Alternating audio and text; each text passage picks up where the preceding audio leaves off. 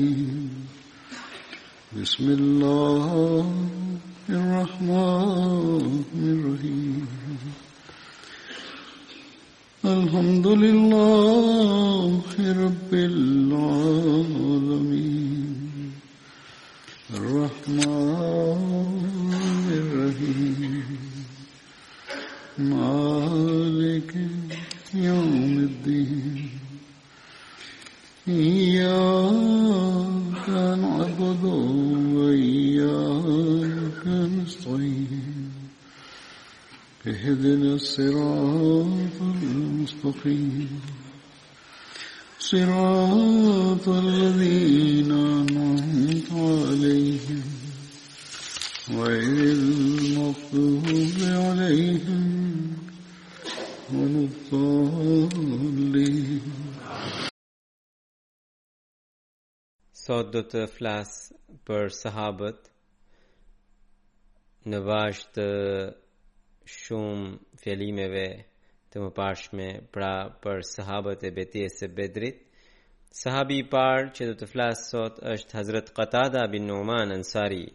Ai vinte nga familja Banu Zafar e fisit Hazrexh të Ansarve Babai i tij ishte Numan bin Zejdi, ndërsa nëna Unejsa binti Qejsi. Nofka e Qatadës përmendet edhe Abu Amr, edhe uh, Abu Umar dhe gjithashtu edhe Abdullah. Hazret Qatada ishte vëllai nga nëna uh, i Abu Said Khudriut. Hazrat Qatada ishte njëri prej 70 sahabëve të ensarëve që morën pjesë në Bejtin Aqba. Megjithatë, sipas Allama Ibni Ishakut, ai shkruan që ndër këta 70 sahabë, Hazrat Qatada nuk merrte pjesë, ose ai nuk e përmendi emrin e tij.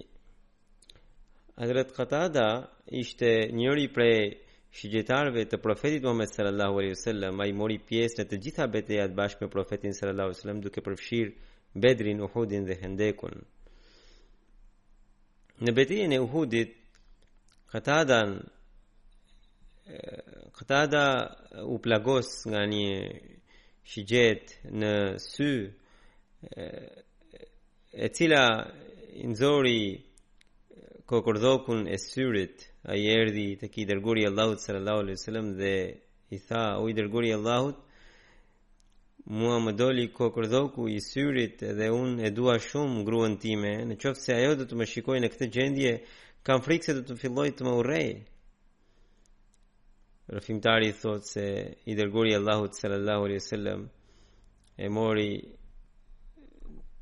pra me dorën e tij e rivendosi kokërdhokun e syrit dhe atij i erdhi pamja dhe deri në pleqëri pikërisht ky sy ishte më i mprehti pra dhe ai u shërua dhe në një rrëfim tjetër përmendet që profeti sallallahu alejhi wasallam e leu syrin me me pështymën e tij Edhe ai u shërua.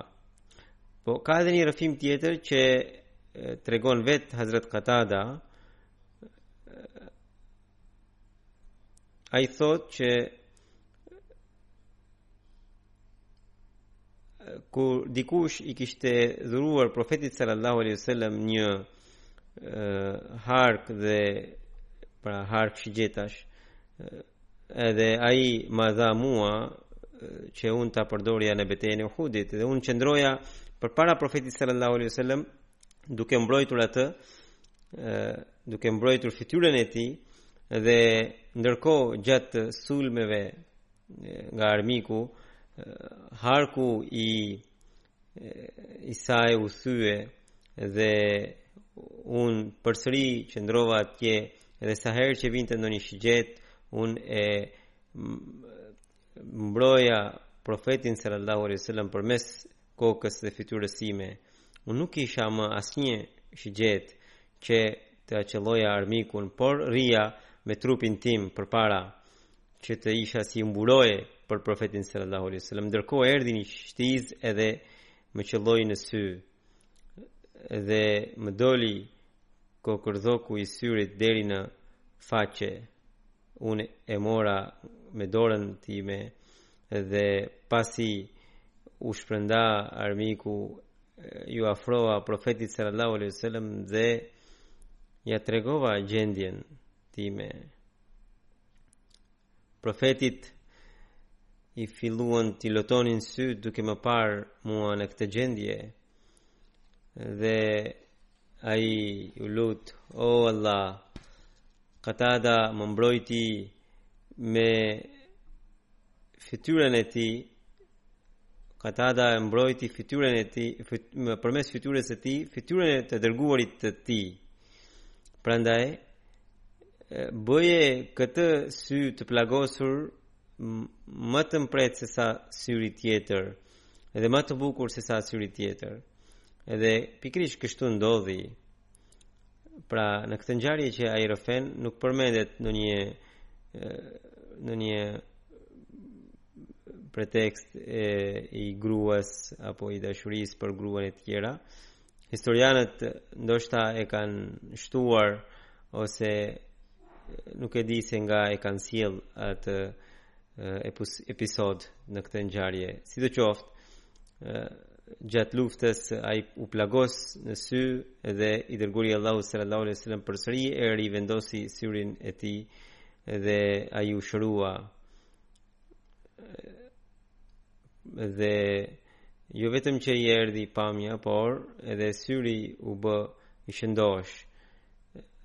Për këtë arsye edhe Katada shquhet në historinë islame me emrin Dhul Ain, domethënë njeriu i syve.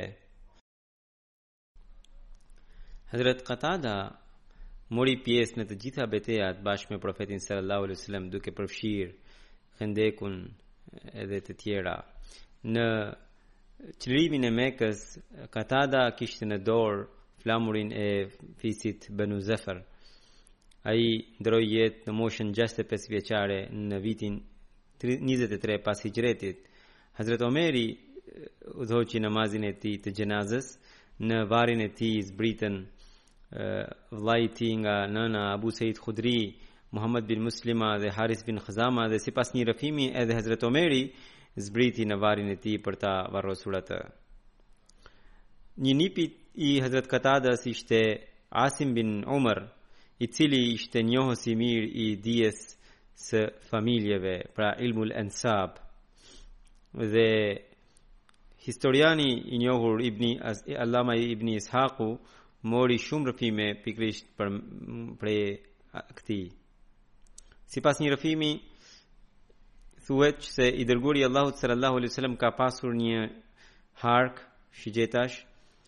që e quante Kutum edhe ajo ishte përgatitur, ai ishte përgatitur nga një pemë që quhet Naba. Është ishte pikërisht ai hark që u thye nga Hazrat Qatada duke e përdorur në mënyrë të vazhdueshme në betejën e Uhudit. Hazrat Qatada bin Numani radhiyallahu anhu thotë se në nga ensarët ishte një fis që quhej Banu Ubejrek. Ndër ata ishin tre vëllezër, Bishr, Bushejr dhe Mubashir. Bushejri ishte munafik, pra hipokrit, thurte vargje dhe përmes tyre diskreditonte sahabët e profetit sallallahu alaihi wasallam. Pra në dukje ishte musliman, por bënte veprime të tilla dhe më pas ato vargje ia ngjiste dikujt tjetër duke thënë se filani ka thënë kështu dhe filani ka thënë ashtu. Kur sahabët e profetit sallallahu alaihi wasallam i dëgjonin këto vargje, ata thoshin se jo këto vargje për Allahun, pra pasha Zotin, ka thënë pikërisht ai njeri i lig i Ibn Ubejrekut. ata pra këta të Ibn Ubejrek edhe në kohën e xhahilijetit dhe pas islamit kanë qenë të varfër, nuk kanë ndryshuar dot. Nuk punonin. Pra nuk bënin ndonjë punë edhe për këtë arsye mbeteshin të varfër. Dhe thotë në Medinë njerëzit ushqimi i njerëzve ishte ishin hurmat dhe elbi kur dikush bëhej i pasur dhe ai priste ndonjë karvan që vinte nga Shami, pra nga Siria dhe blinte miell të bardhë edhe pastaj gatuante bukë dhe nuk i jepte as fëmijëve të vet, sidomos pra po flitet për njerëzit e Benu Ubejrek. Rrëfimtari, pra sahabi në fjalë, thotë që një ditë ndodhi që edhe xhaxhai im, Rifa bin Zejdi, bleu një thes miell të bardhë nga një karvan i tillë që erdhi nga Siria. Edhe ai e magazinoi në magazinën e tij ku kishte lënë edhe armët. Ndodhi Që natën dikush i vodhi edhe armët, edhe miellin dhe drithrat. Të nesërmen në mëngjes, xhaxhai im Rifau pra erdhi edhe më tha mua, o nipi im, mbrëmë më kanë bërë shumë padrejtësi, na vodhën magazinën, na morën edhe drithrat edhe armët. Kemi hetuar në lagje, pyetëm njerëz të ndryshëm dhe na thanë se e, kanë parë njerëzit e Banu Ubejrakut që kishin ndezur zjarrin dhe mendojmë se ata po festonin pikërisht për shkak të pasurisë që kishin marrë nga e, nga vjedhja. Kur ne pyesnim në lagje, Banu Ubejrak thanë, për Allahun vjedhësi juaj është Labid bin Sahli. Kurse Labidi ishte njëri prej muslimanëve të sinqertë mes nesh. Kur Labidi e dëgjoi që Banu Ubejrak e akuzojnë për vjedhje, ai u zemërua, e ngrehu shpatën dhe tha, unë jam vjedhës, për Allahun, Kjo shpata ime tani do të qëndrojë mes meje dhe jush, gjerisa derisa ju ta gjeni vjedhësin. Njerëzit thanë, mos u shqetëso, mbaje shpatën brenda, nuk je ti vjedhës, ne e dimë shumë mirë, por ne thjesht po bëjmë hetime. Kur hetuam, atëherë u bindëm që ishin pikërisht Banu Ubejrak ishin vjedhës. Xhaxhai im më tha, o nip, pse nuk shkon tek profeti Muhammed sallallahu alaihi wasallam dhe ia tregon këtë ngjarje dhe ndoshta pasuria ime më kthehet. Hazrat Qatada bin Numani thotë se shkova dhe tek i dërguari i Allahut sallallahu alaihi wasallam dhe i thashë o i dërguari i Allahut dikush nga lagja jonë bëri mizori edhe vodhi xhaxhait tim armët dhe drithërat. Ne nuk na nuk shqetësohemi nga drithërat le t'i marrë, por armët të na kthejë. Pra Hazrat Qatada bin Numani iu ankua profetit sallallahu alaihi wasallam. Profeti sallallahu alaihi wasallam tha, unë do të këshillohem dhe pastaj do të jap ndonjë vendim. Kur Banu Ubejraku morën vesh këtë, ata shkuan tek njëri prej prej prijësve të tyre, që quhet Usair bin Urva dhe ata u mblodhën edhe disa njerëz të lagjes që filluan të, të ndanin të njëjtin mendim me ta, edhe ata të gjithë shkuan tek profeti sallallahu alaihi wasallam dhe thanë o i dërguari i Allahut, Qatada bin Numani dhe xhaxhai i tij të dy akuzojnë një familje prej nesh e cila është muslimane dhe, dhe e sinqertë dhe nuk kanë asnjë dëshmi e, për këtë vjedhje që ata po akuzojnë. Katada thotë se pas kësaj edhe unë shkova tek profeti sallallahu alaihi sallam dhe profeti sallallahu alaihi sallam më tha përse po akuzoni një familje muslimane që për të cilën thonë se është e ndershme Edhe ju nuk keni asnjë dëshmi kundër tyre? Katada thotë se unë u ktheva nga profeti sallallahu alaihi wasallam dhe ai ishte njeri shumë i sinqertë, pra Hazuri thotë që Katada ishte njeri shumë i sinqertë dhe tha unë do doja sikur të mos e kisha çuar këtë çështje te profeti sallallahu alaihi wasallam edhe sikur të pësoja ndonjë humbje të madhe financiare. Më erdhi shumë keq që e lëndova profetin sallallahu alaihi wasallam përmes kësaj ankese dhe pra ai thotë që edhe sikur të humbisja pasurinë nuk do të shqetësohesha kaq shumë saqë u shqetësova që e, e shqetësova profetin sallallahu alaihi wasallam Pastaj një ditë erdhi xhaxhai më tha o nip çfarë ke bër në këtë për këtë ngjarje Unë ia tregova atë që më ka thënë profeti sallallahu alaihi wasallam. Atëherë dhe ai tha, "S'kemi ç'a të bëjmë përveç se të durojmë dhe t'i kërkojmë ndihmë Allahut të Madhërishëm." Nuk kishte ndo, nuk kishte nuk kishin kaluar shumë ditë që zbritën këto ajete të Kuranit profetit sallallahu alaihi wasallam inna anzalna ilayka alkitaba bilhaqqi litahkuma bayna an-nasi bima araka Allahu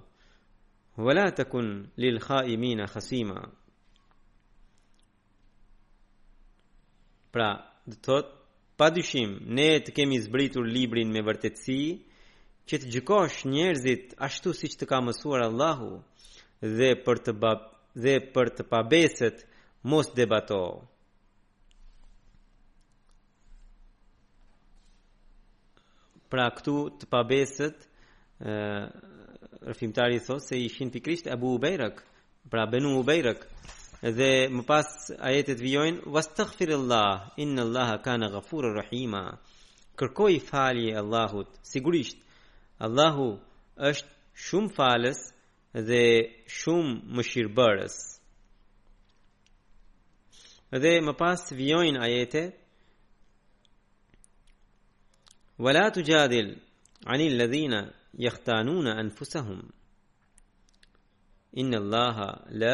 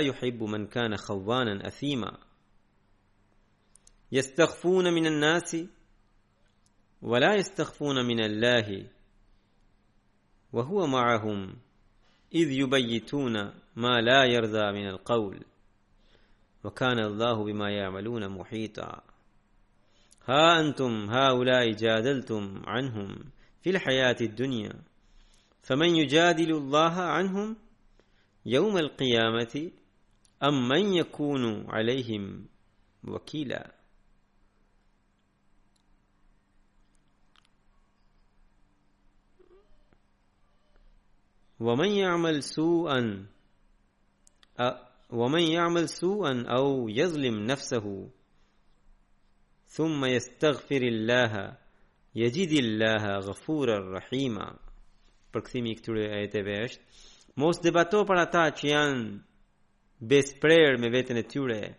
Pa dyshim, Allahu nuk e do mëkatarin e pabesë. Ata fshihen nga njerëzit, por nuk fshihen dot nga Allahu. Ai është me ta kur kalojnë natën duke thënë fjalët që ai nuk i pëlqen.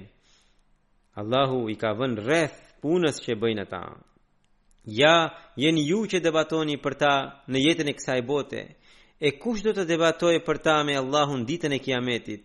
Ose kush do të jetë mbrojtësi i tyre? Kushdo që bën vepër të keqe ose shkel veten e tij, më pas i kërkon falje Allahut, do ta gjejë Allahun shumë falës, shumë mëshirbërës. Dhe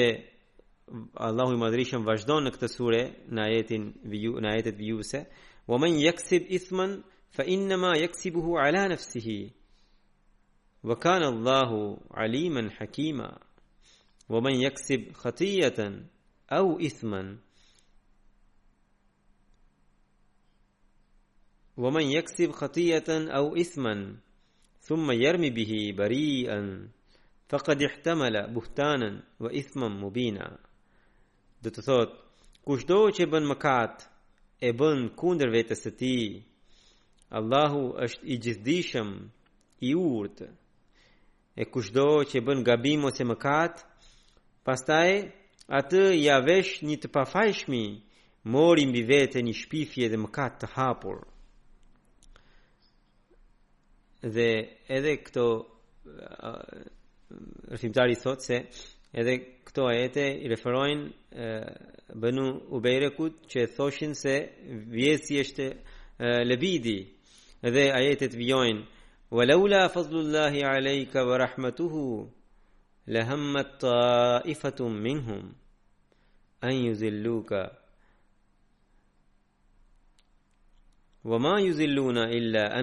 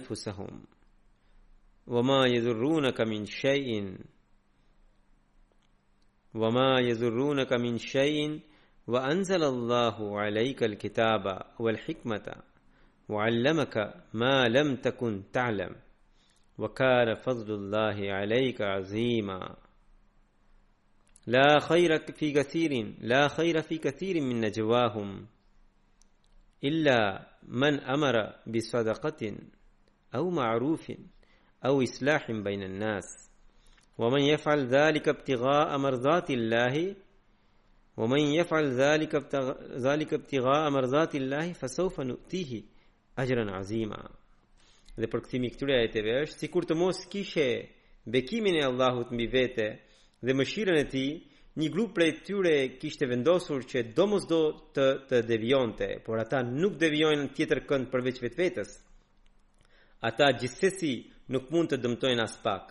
Allahu të ka zbritur librin dhe urtësinë dhe të ka mësuar atë që nuk e dije. Bekimi i Allahut mbi ty është i madh. Nuk ka mirësi në shumicën e pëshpëritjeve të tyre me përjashtim të atij që urdhëron për lëmoshën ose për të drejtën ose për pajtimin midis njerëzve. Atij që e bën këtë duke dashur pëlqimin e Allahut, ne me siguri do t'i japim shpërblim madhor. Realisht këto ajete kanë edhe kuptime shumë të thella, por prapë se prapë edhe në lidhje me këtë ngjarje thuhet se personat që ishin përfshirë në këtë ngjarje e kuptuan se Zoti i Madhrishëm ua zbuloi dhe i tregoi të padukshmen profetit Muhammed sallallahu alaihi wasallam dhe ndikimi erdhi efekti i këtyre ajeteve ishte që Banu Ubayrak për të cilët dyshohej se ata kishin bërë vjedhje erdhën te profeti sallallahu alaihi wasallam dhe i kërkuan falje duke pranuar fajin dhe armët ia kthyen profetit sallallahu alaihi wasallam dhe profeti sallallahu alaihi wasallam ato armë ia dha pronarit pra xhaxhait të Katadës. Edhe Hazrat Katada thotë se xhaxhai im ishte i moshuar, edhe që para se të pranonte Islamin kishte shikimin të dobët, edhe unë mendoja se edhe besimin e kishte të dobët. Por kur i mora armët dhe erdha tek xhaxhai pra për të cilin mendoja se ishte bërë besimtar, por akoma nuk ishte i fort në besim, edhe kur ia ktheva duke thënë se kështu kështu ndodhi dhe atëherë më tha o nipi im këto armë unë po i dhuroj në rrugën e Allahut. Atëherë kuptova që ai ishte i fort në besim edhe islami i tij ishte i fuqishëm edhe unë kot e dyshoja. Kur zbritën ajetet e mësipërme të Kuranit, atëherë njëri prej atyre tre vëllezërve që quhej Bushejr për të cilin thamë se ishte hipokrit, u bashkua me idhujtarët edhe shkoi dhe qëndroi në shtëpinë e Selafa bint Sadit, pra ishte një grua, atëherë Allahu i madhrishëm zbriti këtë ajet profetit sallallahu alaihi sallam,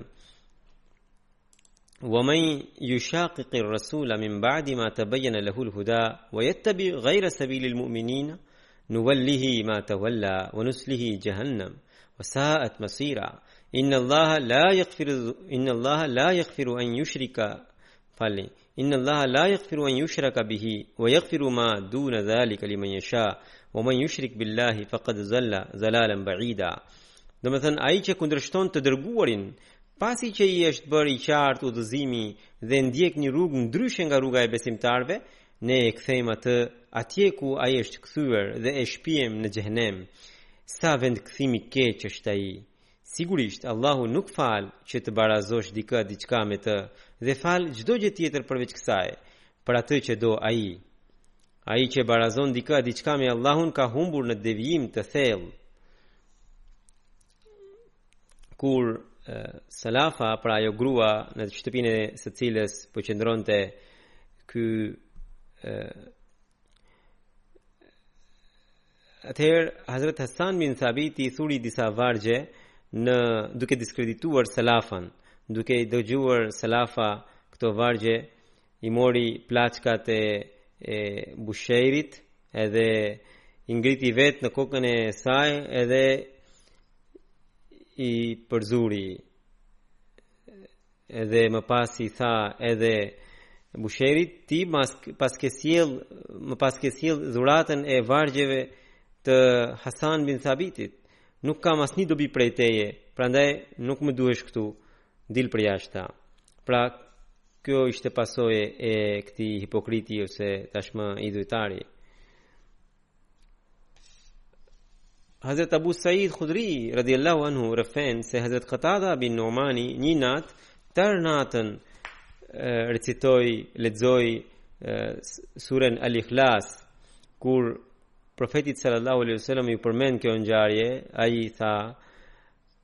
Për atë Zot në dorën e të cilit është jeta ime, Surja Ikhlas është gjysma ose një e treta e Kuranit. Edhe kjo është e vërtetë sepse ë Kurani i gjithi flet për njësinë e Zotit Madhrishëm. Edhe pikërisht kjo është edhe thelbi i Kuranit.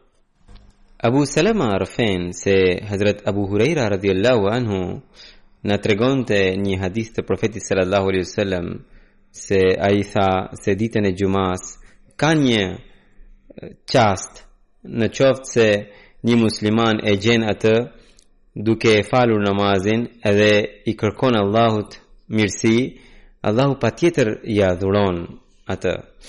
Hazret Abu Hurejra tregonte me gishtat e tij dhe thoshte se kaq i vogël është ai çast, kaq i shkurtër është ai.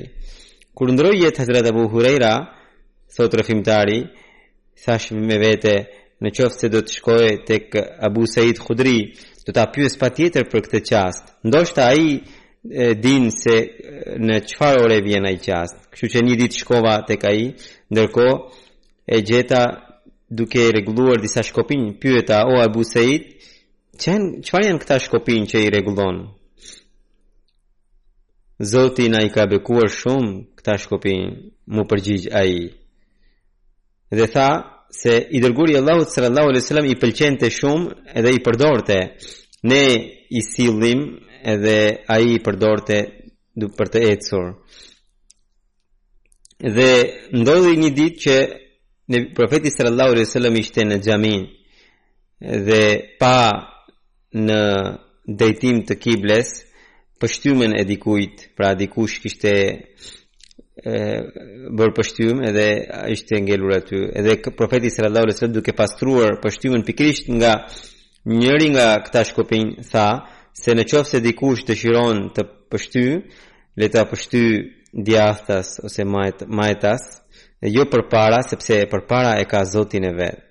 Pra, derisa ka ardhur njeriu për ta falur namazin, përpara është Zoti dhe në atë kohë ende nuk kishin ardhur gjitha porositë dhe dhe arabët nuk dinin akoma kulturën e e duhur nuk e kishin akoma kulturën e duhur edhe edhe xhamitë ishin e, nuk kishin dysheme dhe njerëzit edhe vepronin në këtë mënyrë po më vonë në Buhari përmendet ky rrëfim që kur profeti sallallahu alajhi wasallam edukoi tha që mos pësh, mos pështyni në xhami përdorni rrobat tuaja për të pastruar tani kemi edhe faculeta dhe tani në radhë të parë xhamitë janë të mbuluar edhe me me xhamitë kanë edhe tapeta dhe një gjë e tillë tashmë nuk është e nevojshme fare. Por në atë kohë kështu ishte situata dhe profeti sallallahu alajhi wasallam për këtë arsye tregoi që të pështynin jashtë ose në dhe edhe pastaj ta mbulonin me ndonjë mbulesë.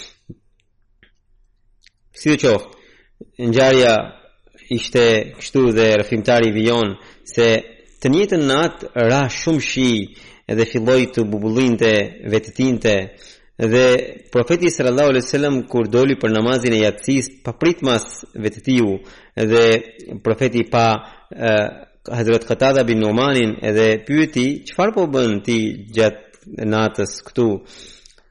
O i dërguari i Allahut, i tha Qatada që unë dija se sot është natë e vështirë edhe dija që shumë pak njerëz do të vinin, prandaj unë nxitova për të ardhur në namazin e jacisë. Profeti i tha, kur ta kesh mbaruar namazin, prit derisa të kaloj pranë teje.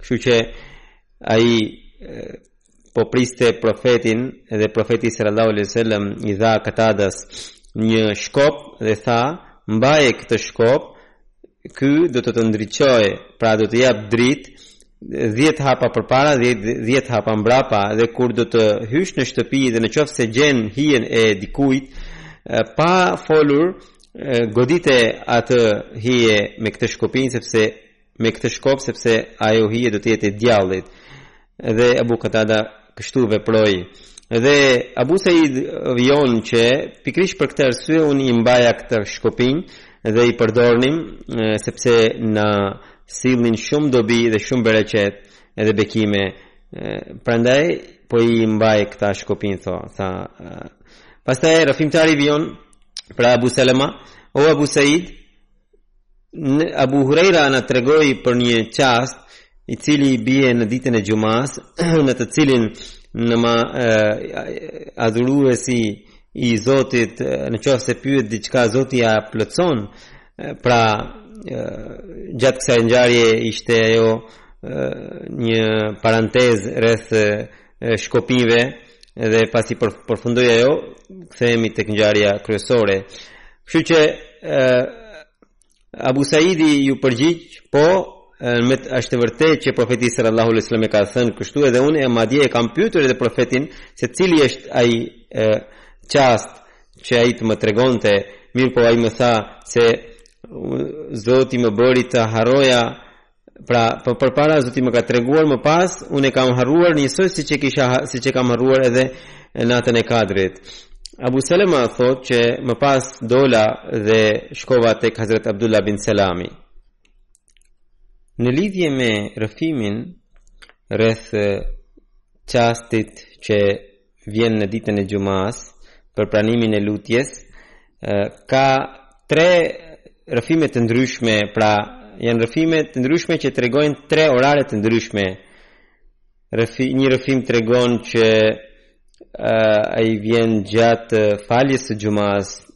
Rrëfimi i dytë thotë se vjen në fund të pjesë, pra në pjesën e fundit të ditës. Dhe rrëfimi i tretë tjetër thotë që vjen pas namazit të ikindisë. Ato rrëfime do t'i tregoj këtu. Hazrat Abu Huraira radhiyallahu anhu tregon se i dërguari i Allahut sallallahu alaihi wasallam përmendi madhështinë e ditës së xhumasë dhe tha se vjen një çast në këtë ditë në qoftë se muslimani e gjen atë çast duke falur namazin Edhe çfarëdo që ta pyes Allahun, Ai patjetër do t'ia plotësojë, do t'ia japë. Edhe ai me dorën e tij tregoi se ai çast është kaq i shkurtër. Më pas në Sahih Muslim përmendet rrëfimi i Abu Barda bin Abu Musa Asheri, i cili thotë se Hazret Abdullah bin Omeri më pyeti A ke dëgjuar babain tënd që profeti sallallahu alajhi wasallam tregonte për çastin e xhumasë? Po, tha, thashë, edhe profeti sallallahu alajhi wasallam tha se ai çast vjen që kur imami ulet në xhami derisa ta mbarojë namazin. Në një tjetër rrëfim tregon që Hazret Abdullah bin Salami pra tregon se një ditë kur profeti sallallahu alajhi wasallam ishte mes nesh e pyeta Ne lexojmë në librin e Allahut për ditën e xhumasë edhe lexojmë për një çast të bekuar kur besimtari besimtarit i pranohet lutja patjetër Hazrat Abdullah thotë se i dërguari i Allahut sallallahu alaihi wasallam Më tregoi me shenjë se ai është një çast shumë i shkurtër. Ë i thashë po i dërguari i Allahut, edhe më pas e pyeta se cili është ai çast. Ai më tha ai çast është njëri prej çasteve të fundit të ditës. Pra kur dita është duke perënduar. Pyeta a nuk është çasti i namazit? Ai tha, Pse jo? Besimtari kur e mbaron namazin edhe ulet duke pritur përsëri namazin, ai është në namaz. Pra ai gjendet në namaz. Pra edhe pas namazit, kur ai përkujton Allahun, edhe kjo gjendje është gjendje e namazit, edhe gjatë kësaj gjendje njeriu duhet t'i bëjë lutje Zotit.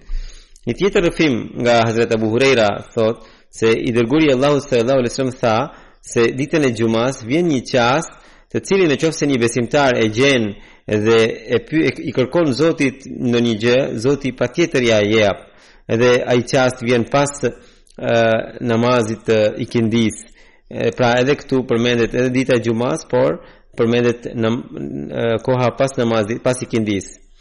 Një tjetër rrëfim tregon që Abu Selema thotë se pyeta profetin për këtë çast dhe ai tha akhiru saati nahar, Domethënë, ai çast vjen në çastet e fundit të ditës. Në lidhje me këtë hadith, Hazret Kalifi i dytë i Mesihut të premtuar e shpjegon në tefsirin e tij duke thënë se Xhumaja dhe Ramazani kanë një ngjashmëri me njëra tjetrën edhe ajo është që edhe xhumaja është siguron momentin e pranimit të lutjes gjithashtu edhe ramazani për xhumanë i dërguari i Allahut sallallahu alaihi wasallam thotë se ai që vjen në namaz në xhami edhe qëndron i heshtur duke përkujtuar Allahun pret imamin, më pas e e ndjek hutben e imamit me vëmendje, më pas e fal edhe namazin me përkushtim, Zoti për të përgatit bekime të veçanta dhe më pas ditën e xhumasë vjen një çast i cili ia siguron pranimin e lutjes dhe ai sjell pikërisht pastaj hadithin e Hazrat Abu Hurairas i cili thotë se i dërguari i Allahut sallallahu alaihi wasallam duke përmendur ditën e xhumasë tha se Në këtë ka një çast në të cilin në qoftë se besimtari e gjen duke e falur namazin, çfarëdo që t'i kërkojë Zotit, Zoti ia plotëson, edhe me dorën e tij ai tregoi se ai çast është kaq i shkurtër, Ky është ai hadithi i Buhariut që përmenda pak më parë nga Abu Huraira radhiyallahu anhu. Ë ai thotë, kalifi i dytë thotë, pra sipas ligjeve që ka caktuar Zoti, Duhet të komentojmë këtu që Zoti ia pranon lutjen vetëm ato të cilat janë përputhen edhe me ligjet e Zotit, me praktikën e Allahut të Madhërishëm, pra vetëm lutjet për gjërat e lejuara dhe jo çfarëdo lloj lutje që mund t'i kërkojë njeriu. Padyshim, ky është një bekim shumë i madh, pra ky çast, por nga ana tjetër është edhe i vështirë. koha e xhumasë fillon nga ezani i dytë ose pak më përpara dhe mbaron vazhdon në në hutbe edhe pastaj mbaron derisa ta kthejë selamin imami në qoftë se hutbja do të jetë e shkurtër e gjithë kjo kohë mund të jetë gjysmë ore, por në qoftë se zgjatet mund të jetë edhe një orë ose një orë e gjysmë.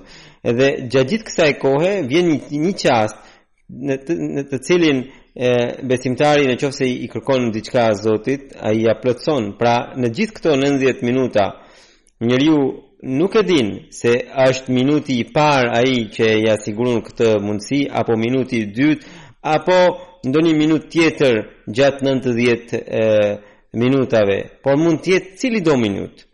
Prandaj ai atë duhet ta kërkojë vetë. gjatë gjithë 90 minutave të së xhumas. Dhe vetëm ai mund ta gjejë atë i cili gjatë gjithë 90 minutave ë qëndron i përkushtuar duke u lutur Zotit, edhe kjo nuk është një punë e thjeshtë, edhe nuk mund ta bëjë kushdo.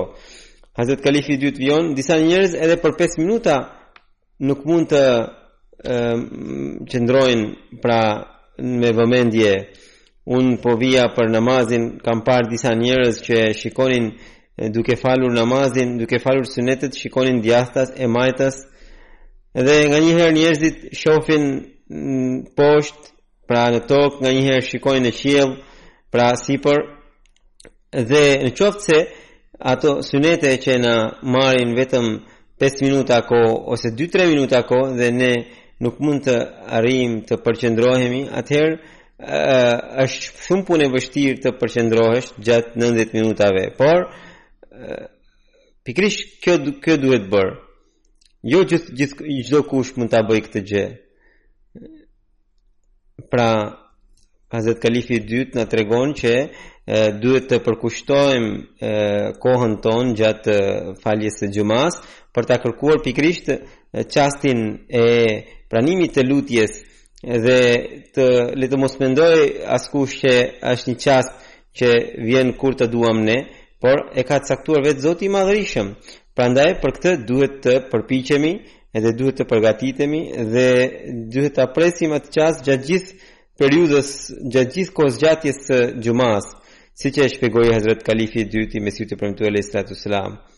Në mënyrë që të përfitojmë nga bekimet e mëdha të ditës së xhumas. Sahabi i dytë që do të përmend sot është Hazrat Abdullah bin Mazuni.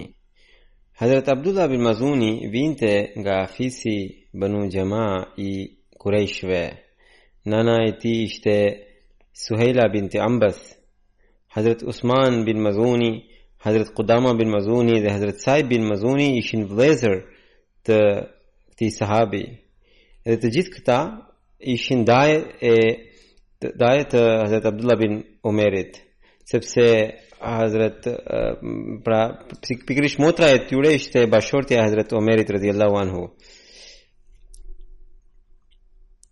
Jezid bin Rumani tregon që Hazret Abdullah bin Mazuni edhe vëllezërit e tij pranuan Islamin përpara se profeti sallallahu alaihi wasallam të hynte në Darul Arqam edhe ta përhapte islamin prej atje. Hazret Abdullah bin Mazuni bashkë me tre vëllezërit e tjerë, pra Hazret Kudama bin Mazuni, Hazret Usman bin Mazuni dhe Saj bin Mazuni, bashkërisht mërguan drejt Abisinisë dhe aty kur morën vesh se kurejshët e pranuan islamin, pra u përhap një lajm i rremë, ata u kthyen. Edhe më përpara ju kam treguar këtë ngjarje që muslimanët kur hasnin vështirësi të skajshme nga kurejshët, atëherë i dërguari i Allahut sallallahu alaihi wasallam u tha të mërgonin drejt Abisinisë sepse Abisinia kishte një mbret të drejtë dhe i trajtonte njerëzit me drejtësi dhe mirësi në atë kohë Abisinia ishte një një kishte një mbret i fuqishëm, i krishterë që quhej Naxhashi. Sidoqoftë duke dëgjuar porosinë e profetit sallallahu alaihi wasallam në Rexhep të vitit 5 pas profetësisë 11 burra dhe 4 gra mërguan drejt Abisinisë dhe fatmirësisht kur ata mbërritën tek një porti i Arabisë, i quajtur Shuaiba gjetën, një anije e cila po shkonte pra një anije tregtare që po shkonte pikërisht drejt Abisinisë. Ata u hipën në anije dhe lehtësisht mbërritën në destinacion ku do të jetonin në paqe. dhe larg persekutimeve të kurejshve. Duke mbërritur në Habsha, pra në Abisini, muslimanët gjetën qetësi dhe shpëtuan nga persekutimet e ashpra të mekasve. Por, siç disa historianë kanë përmendur, se edhe unë ju kam treguar, që ata u kthyen kur dëgjuan, kur e morën vesh lajmin se disa pra lajmin se kurejshët e pranuan islamin dhe tashmë Meka kishte paqe të plotë. Shumica prej tyre pa e hetuar lajmin u kthyen dhe mirëpo kur iu afruan Mekës e kuptuan që lajmi ishte i rremë dhe Kurejshët thjesht kishin bërë një sajesë për t'i sjellë, për t'i tërhequr mërgimtarët, muhaxhirët. Por tani ishte kohë e vështirë sepse ishte rrugë e gjatë për t'u kthyer prapë. E për këtë arsye disa u kthyen edhe disa të tjerë kërkuan ndore të ndonjë prej prijësve të Mekës. Por kjo ndore zakonisht nuk zgjaste dhe për këtë arsye mizoritë e Mekasve filluan sërish dhe profeti sallallahu alaihi wasallam përsëri u tha muslimanëve që të mërgonin drejt Abisinisë. Edhe atëherë muslimanët fshehurazi filluan të mërgonin njëri pas tjetrit dhe kjo quhet siç ju thashë edhe më përpara mërgimi i dytë drejt Abisinisë. Edhe kështu gjithsej Njëqind burra dhe tetëmbëdhjetë gra mërguan drejt Abisinisë në mërgimin e dytë drejt këtij destinacioni. Sidoqoftë për sahabin në fjalë, pra për Hazrat Abdullah bin Mazunin, nuk përmendet që nëse nëse ai të ketë mërguar për herë të dytë drejt Abisinisë apo jo. Po, ai si të gjithë muslimanët e tjerë mërgoi drejt Medinës. Kur ai mbërriti në Medinë, Pra, nga Meka në Medinë, atëherë i dërguari i Allahut sallallahu alaihi wasallam vendosi vëllazëri mes atij dhe mes Sahal bin Ubaidullah Ansariut. Dhe sipas një rrëfimi tjetër, kjo vëllazëri ishte mes atij dhe mes Hazrat Atba bin Amirit, Hazrat Utba bin Amirit.